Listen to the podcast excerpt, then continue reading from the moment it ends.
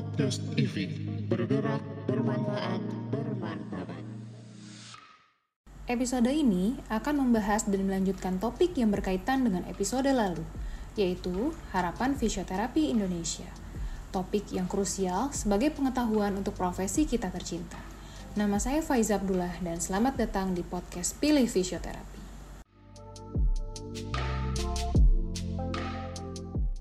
Halo Sobat Fisio, kembali lagi di podcast Pilih Fisioterapi. Apa kabarnya nih Sobat? Saya selalu doakan semoga tetap dalam keadaan baik sehat fisik dan juga mental. Serta jangan lupa untuk selalu bergerak, bermanfaat, dan bermartabat. Nah, untuk sobat yang baru sekali ini mampir di podcast Pilih Fisioterapi, saya sarankan untuk mendengar episode sebelumnya, yaitu episode 3, agar pengetahuan yang didapat utuh dan juga tidak setengah-setengah. Jangan lupa untuk mendengarkan juga episode 1 dan episode 2 yang kemarin membahas mengenai topik filosofi fisioterapi bersama Ketua Umum Ikatan Fisioterapi Indonesia, Bapak Muhammad Ali Imron. Materi yang seperti sudah disampaikan di awal tadi. Kali ini episodenya akan melanjutkan topik bersama dengan narasumber kita yaitu Bapak Parmono Dwi Putro SFTMM selaku Wakil Ketua Umum Ikatan Fisioterapi Indonesia dan juga menjabat sebagai Ketua Perhimpunan Fisioterapi Neurologi Indonesia. Pak Parmono, Assalamualaikum warahmatullahi wabarakatuh. Apa kabarnya? Assalamualaikum warahmatullahi wabarakatuh. Alhamdulillah Mbak Faiza mudah-mudahan semua saudara-saudara kita, sejawat semuanya, para pendengar semuanya senantiasa diberikan kesehatan semuanya. Amin, mudah-mudahan. Masih tetap beraktivitas seperti biasa ya Pak? Alhamdulillah masih kita masih layanan fisioterapi gitu. walaupun kita mulai ada pembatasan gitu ya. Baik, berarti di layanan sendiri masih tetap menerapkan protokol-protokol kesehatan yang seperti sebelum-sebelumnya ya Pak? Masih cukup ya, Ya, ya. Baik, mudah-mudahan segera kondusif ya Pak untuk kondisi dari pelayanan di Indonesia dan juga kondisi pandemi ini bisa segera berlalu. Amin. Baik Pak, saya masih mau ngobrol-ngobrol nih Pak dengan Pak Parmono menyambung dengan podcast yang sebelumnya tentang tantangan di fisioterapi Indonesia. Tentunya setiap tantangan pasti akan juga hadir harapan ya Pak Nah, ya, ya. Pak Parmono, harapan-harapan apa saja yang sekarang sudah ada di Indonesia ini yang perlu mungkin disampaikan ke rekan-rekan, ke sobat-sobat fisioterapi, terutama berkaitan dengan capaian fisioterapi saat ini, Pak? Oke, kita mulai dari capaian fisioterapi itu ya. Iya, baik Pak. Uh, capaian fisioterapi itu sebenarnya sangat tergantung dari ukuran. Kalau ukurannya itu masa lalu, masa lalu, maka secara umum saat ini dari sisi legal aspek, baik dari pelayanan, pendidikan, kita sudah cukup. Capaiannya sudah tercapai. Tinggal pelaksanaan di lapangan yang seperti tantangan yang kemarin saya sampaikan, bahwa regulasi itu ada beberapa yang disharmoni. Gitu. Nah, di sinilah PP harus selalu sabar, telaten, mengadvokasi teman-teman semuanya. Nah, kalau ukurannya misalnya dibanding dengan negara-negara besar tentang misalnya Amerika atau Australia terkait dengan lain terapi, tentu perjuangannya masih panjang, gitu, Mbak ya. Nah, ya, capaian yang mungkin bisa kita sampaikan, salah satu contoh saja, dalam bidang pendidikan, dalam periode dekade terakhir ini lahir 10 institusi pendidikan profesi. Yang dulu waktu saya masih kuliah tahun 93 itu, sudah cita-citanya pengen pendidikan profesi. 20 tahun saya nunggu itu. Nah, sudah ada 10 institusi pendidikan profesi yang yang dia menahan kongres. Itu sudah lahir. Dan hebatnya lagi sudah menyebar ke pulau-pulau besar di Indonesia. Baik itu di Sumatera sudah ada di Jawa sudah ada Kalimantan sudah ada Sulawesi Bali sudah ada tinggal Papua yang itu. Mungkin itu capaian sekilas Mbak Mbak Faiza Baik, jadi kita harus sedikit agak bangga, berbangga banyak harusnya ya, banyak berbangga juga karena capaiannya sudah cukup jauh dibandingkan dengan saya pribadi lulus fisioterapi itu 2010 Pak. Jadi sudah sudah hampir 10 tahun dan memang saat itu pendidikan tertingginya yang masih ada adalah D4, kemudian muncullah S1 dan sekarang kita sudah boleh berbangga karena sudah muncul profesi di Indonesia ini ya Pak, pendidikan-pendidikan profesi. Ya, ya jadi alhamdulillah bahwa perjuangan dari para senior-senior fisioterapi sudah membuahkan sedikit gambaran bahwa ke depannya pastinya fisioterapi akan jauh lebih berkembang lagi di Indonesia. Ya, amin amin. Dalam satu hal memang perlu kita syukuri ya, Mbak. Tidak Betul. tidak cukup bermanfaat. Itu kita syukuri. Dengan Betul. bersyukur insya Allah akan ada nikmat yang lain. Tapi dalam hal melihat tadi capaian ukurannya, kalau dilihat dari fisioterapi luar negeri kita masih jauh. Ini yang membuat semangat kita. Dalam hal satu hal, capaian kita syukuri. Dalam melihat ke depan, capaian kita, kita perlu lari lebih kencang lagi dari yang sekarang. Gitu, Mbak. Betul. Jadi masih banyak PR yang perlu kita kerjakan ya, Pak. Ya, masih ada tantangan-tantangan yang lain. Baik, kalau begitu saya akan menyinggung mengenai tantangan tadi. Bagaimana strateginya, Pak, untuk mengembangkan fisioterapi itu sendiri di Indonesia? Baik, menurut saya segini Mbak, strategi pengembangan fisioterapi itu setidaknya, setidaknya ada tiga hal penting. Yang pertama itu sebagaimana pilarnya fisioterapi, itu ada di bidang pelayanan, ada Hmm. bidang hukum atau regulasi, dan satu lagi adalah bidang pendidikan. Di bidang pelayanan, maka kita senantiasa berupaya untuk menstandarkan seluruh bentuk pelayanan. Dan ini sudah sebenarnya. Standar pelayanan fisioterapi seperti yang disampaikan kemarin pada podcast kemarin, Ya. eh, layanan fisioterapi sudah punya Permenkesnya. Nah, dan disampaikan karena hakikat pelayanan yang bermutu itu adalah yang terstandar. Nah, itu strateginya, Pak. Kita menstandarkan, kemudian membuat, mendorong seluruh anggota untuk bekerja sesuai dengan standar. Kemudian di bidang hukum, strategi kita adalah senantiasa melakukan penguatan dan mengawal setiap regulasi yang IFI punya agar senantiasa mampu diaplikasikan. Karena seperti saya sampaikan juga bahwa fisioterapi dalam hal regulasi, dalam hal NSPK, norma standar pedoman dan kriteria, adalah salah satu tenaga kesehatan yang paling lengkap NSPK-nya di Republik Indonesia ini. Dan yang terakhir, dan yang menurut saya ini yang paling utama adalah dalam hal pendidikan. Penguatan pendidikan hingga pada level doktoral. Kenapa? Karena dari posisi inilah kita akan memiliki otoritas keilmuan yang nantinya berdampak pada perlindungan kewenangan kita. Kita tahu bahwa di Indonesia kewenangan ini masih suka ada yang terlalu banyak area abu-abunya begitu, sehingga bisa menjadi kayak rebutan begitu ya dalam tanda kutip. Nah kalau pendidikan kita sudah level doktoral, maka secara keilmuan kita diakui, maka perlindungan kewenangan ini akan bisa eh, kita dapatkan. Begitu Mbak Faiza. Baik, Pak Parno, berarti kita butuh strategi yang holistik ya, Pak. Tidak hanya dari pelayanan, tidak hanya dari bidang hukum, tapi juga dari bidang pendidikan. Berarti mesti dipupuk sejak dini, benar ya, Pak? Yes, yes. Dari level mahasiswa. Nah, berarti harapan untuk mahasiswa fisioterapi sendiri itu seperti apa, Pak? Baik, eh, kepada adik-adik mahasiswa, eh, saya akan cerita dulu sebuah kalimat tak kenal maka tak sayang, tak say- tak cinta gitu ya. Mm-mm. Menarik Kalau nih, Pak. cinta sudah di hati, maka seluruh potensi akan dikerahkan untuk membersamai. Membersamai siapa yang dicintai, untuk menghidupkan apa yang dicintai. Dalam hal ini fisioterapi ya. Ya. Kepada adik-adik mahasiswa, kenali fisioterapi dengan baik. Apa dan mengapa Anda memilih profesi ini. Jadi saya kalau me- mengibaratkan, fisioterapi itu adalah kendaraan. Mhm. Fisioterapi ini adalah kendaraan kita menuju cita-cita mulia kita. Sehingga dalam mencapai tujuan tersebut, kita harus benar-benar kenal kendaraan kita. Saya pakai BMW, atau saya pakai FEV, saya pakai apa? Saya harus kenal kendaraan itu. Dengan kenal kendaraan gitu. Jadi kalau misalnya, oh kendaraan saya ini kok kayaknya olinya kurang, perlu kita tambah. Oh ini kok kayaknya bannya agak kempes, tambahin anginnya. Begitu. Kalau kita mengenal fisioterapi dengan baik, saya yakin cinta itu akan tumbuh dan cinta itulah yang akan senantiasa membersamai. Dan sudah sangat jelas Mbak Faiza, fisioterapi itu memiliki keluasan dan kedalaman ilmu. Maka kepada adik-adik mahasiswa, jangan sia-siakan waktu belajarnya. Sekali lagi, jangan sia-siakan waktu belajarnya. Jangan tanggung menjadi mahasiswa. Hanya sekedar lulus, hanya sekedar dapat ijazah. Oh, sangat sayang sekali gitu. Padahal ilmu fisioterapi begitu Anda masuk, Anda akan terkagum-kagum. Bahkan saya pernah menyampaikan dalam satu mahasiswa, kalau kalian kuliah di fisioterapi, tetapi keimananmu nggak tambah banget. Jadi bagi saya, bagi tadi ada mahasiswa, jadilah fisioterapis yang berdedikasi dan memiliki militansi dan korsa jiwa profesi fisioterapi yang tinggi. Dengan apa? Cintai dulu fisioterapi. Masuklah ke dalamnya. Anda akan tahu betapa indahnya, betapa luasnya, betapa dalamnya ilmu fisioterapi. Mungkin itu, Mbak. Makanya saya pengen jadi mahasiswa fisioterapi lagi. Begitu ya, Pak? iya, betul. Waduh, saya pengen banget ini, Mbak. Pengen kuliah lagi.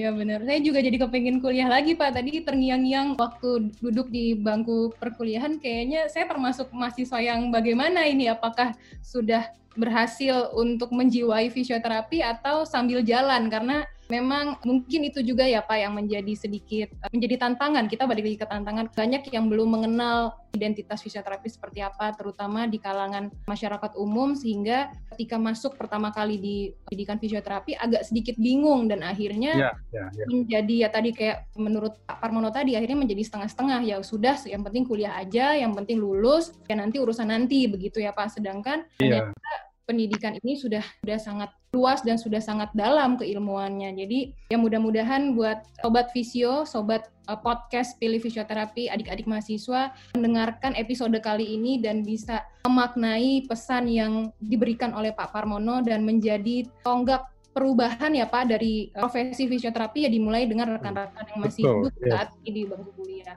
Iya. Baik Pak, pertanyaan berikutnya sudah lulus kuliah tadi sudah kita sama-sama jelaskan bahwa ada masih sebagian besar jawab fisioterapi yang masih belum dapat gitu ya Pak. Feelnya, jiwanya sebagai seorang fisioterapis. Bagaimana Pak Parmono melihat hal tersebut dan apa harapan yang bisa Pak Parmono sampaikan? Seperti apa harusnya kita sebagai seorang fisioterapis menjalani hari-harinya sebagai seorang yang profesional seperti itu Pak? Ya, ya. Baik, bagi teman-teman sejawat fisioterapis, hal yang paling penting saat sekarang bagi menurut saya ya, menumbuhkan jiwa korsa, memperkuat rasa cinta, rasa percaya diri dan kebanggaan menjadi fisioterapis. Ini perlu. Mbak Faiza, saya pernah baca buku, judulnya itu bukunya itu The Power of Water Kesimpulannya di buku itu menariknya adalah air yang senantiasa diberikan sentuhan-sentuhan bahasa-bahasa cinta itu akan mempunyai bentuk kristal yang indah. Ya. Nah, semakna dengan ini, Mbak Faiza, apa pun yang kita perlakukan dengan baik, dia akan memberikan yang terbaik kepada kita. Baliknya begitu. Termasuk kepada profesi fisioterapi ini. Seberapa besar cinta, seberapa besar perhatian Anda para sejawat semua kepada profesi ini sesungguhnya sebesar itu pula yang Anda peroleh dari profesi fisioterapi ini. Saya ulang ini penting, Mbak. Sebesar apa pun, seberapa besar cinta, seberapa besar perhatian teman-teman untuk memajukan profesi fisioterapi ini, sebesar itu pula yang Anda peroleh dari profesi fisioterapi ini. Nah, kalau seperti Pak mahasiswa tadi, kalau teman-teman sudah mencintai profesi ini, saya yakin kalau saya mencintai istri saya, istri saya ada yang ganggu, saya marah dong. Iya. iya. Ya, kalau ada profesi, profesi atau pihak-pihak luar yang ingin mengganggu ya, fisioterapi, marah juga. Ya. Seperti halnya ketika saya mempunyai pasangan, kemudian kok ini kompetensi yang ini kurang, lalu saya dorong, saya dorong untuk bisa menjadi lebih maju. Sama ketika kita mencintai profesi, kemudian saya melihat, oh ini ada lemah di sisi ini, maka ini yang kita dorong. Kita dorong untuk kita bangkitkan bersama-sama. Jadi itu teman-teman sejawat fisioterapis di Indonesia, mari kita tumbuhkan jiwa korsa kita. Perkuat rasa cinta kita kepada profesi kita, rasa percaya diri, kemudian rasa kebanggaan kita kepada profesi ini. Karena semakin kita mencintai profesi fisioterapi ini, maka semakin besar pula yang kita dapatkan dari profesi ini. Begitu Mbak Aisyah. Wow, speechless saya Pak, luar biasa. Ini betul-betul dalam ya Pak. Jadi memang kita harus memulai dengan mencintai sesuatu sehingga apa yang kita jalani pun hari-harinya terasanya seperti ringan dan akhirnya memberikan bal balik juga yang luar biasa besar bahkan mungkin berkali-kali lipatnya iya, gitu. betul Mbak. Karena dengan hanya satu-satunya itu Mbak, dengan cintalah kita bisa bisa lebih bergerak leluasa. Anda bisa bayangkan misalnya Pak Roso, Pak Narno kadang rapat sampai tengah malam yeah. pulang, kemudian ke teman-teman Pak Wahyu misalnya dari Trenggalek harus datang ke Jakarta hanya sekedar rapat, hanya sekedar rapat meninggalkan waktu keluarganya hari Minggu, hari libur yang mestinya dia gunakan untuk keluarganya, dia korbankan untuk uh, memikirkan profesi ini. Apa yang didapat? Tidak tahu. Bisa jadi keberkahannya adalah karena ini mengurusi orang banyak, maka kembalikan kebalikan yang didapat adalah keluarganya senantiasa diberikan kesehatan, keluarganya yang mestinya ada yang sakit menjadi tidak sakit begitu. Kenapa? Karena didoakan oleh seluruh fisioterapi Indonesia. Mungkin begitu, Mbak.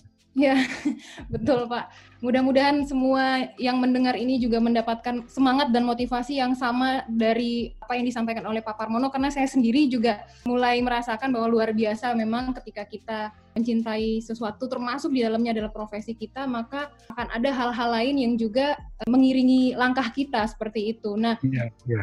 itu nggak Pak, kalau kita all out gitu ya Pak, kita memberikan yang terbaik yang bisa kita berikan, maka sebenarnya pandangan-pandangan masyarakat tentunya dengan profesi kita, dengan uh, kerjaan kita pun nantinya juga akan menjadi berbeda gitu dibandingkan ketika kita Iya. melakukannya ya sekenanya aja gitu ya Pak ya. Betul, betul.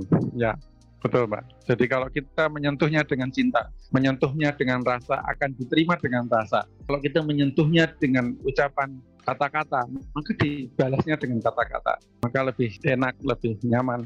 Pilihlah dengan, sentuhlah dengan cinta. Gitu, Pak. Betul. Ini bahasanya Mas Wahyu mestinya ini. Tergalaknya kritis sekali. Luar biasa memang Pak, ini eh, empat episode ini kita masih berbau-bau filosofis dan puitis ternyata ya.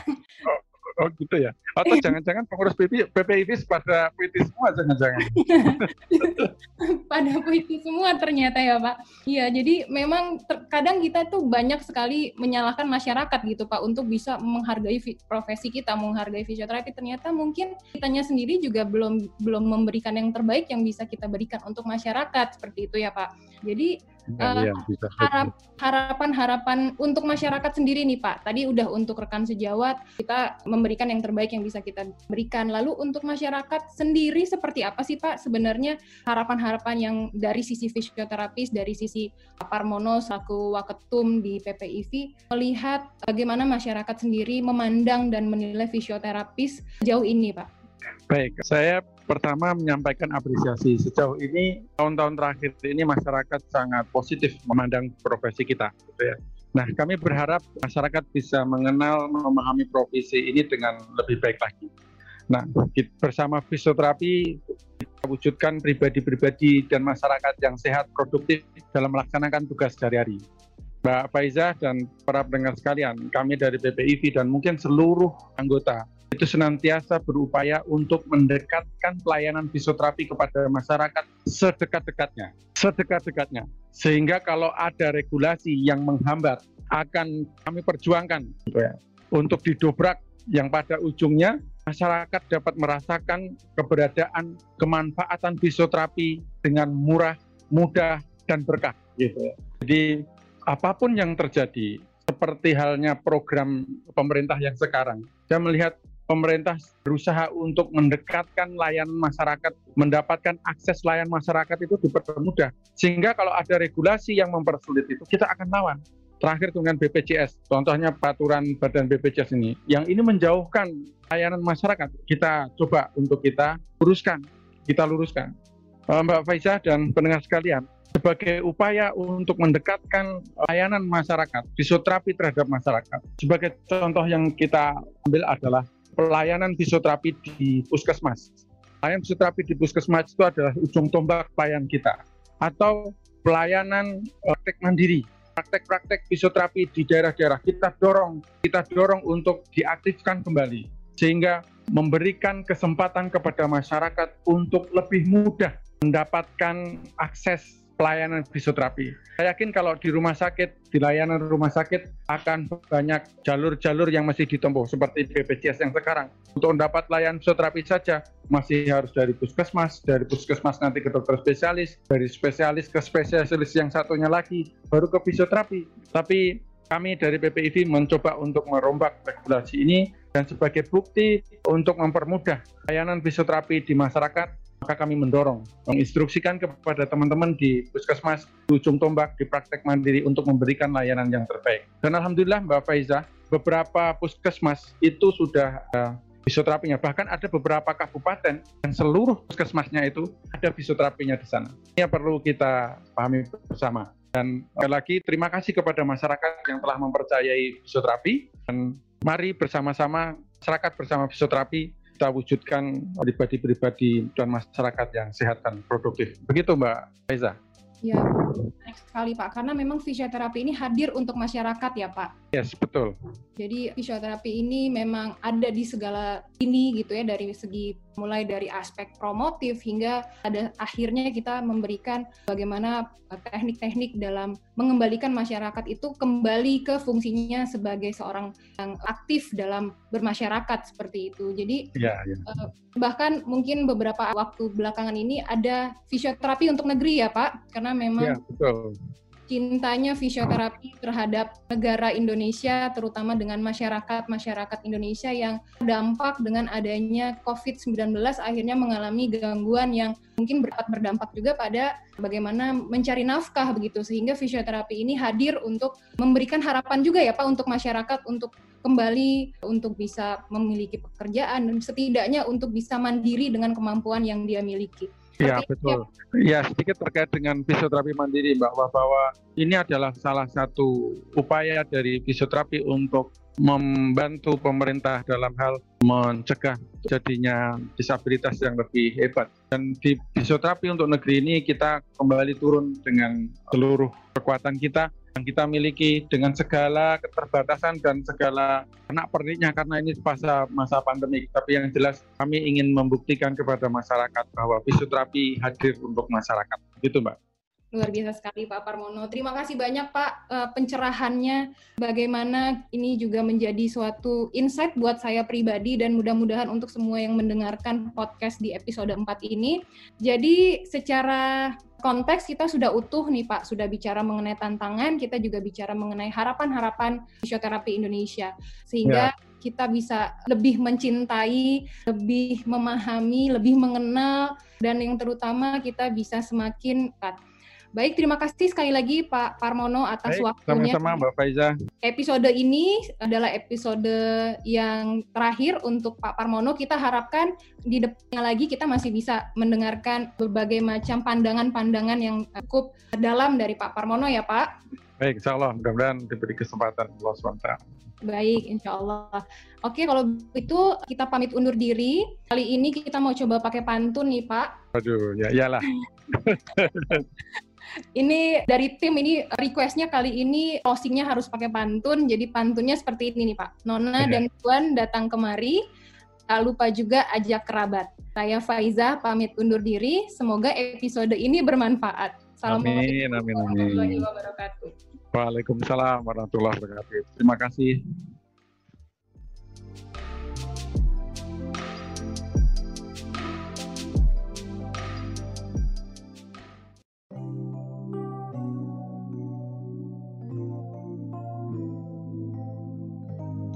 Podcast TV bergerak bermanfaat bermartabat.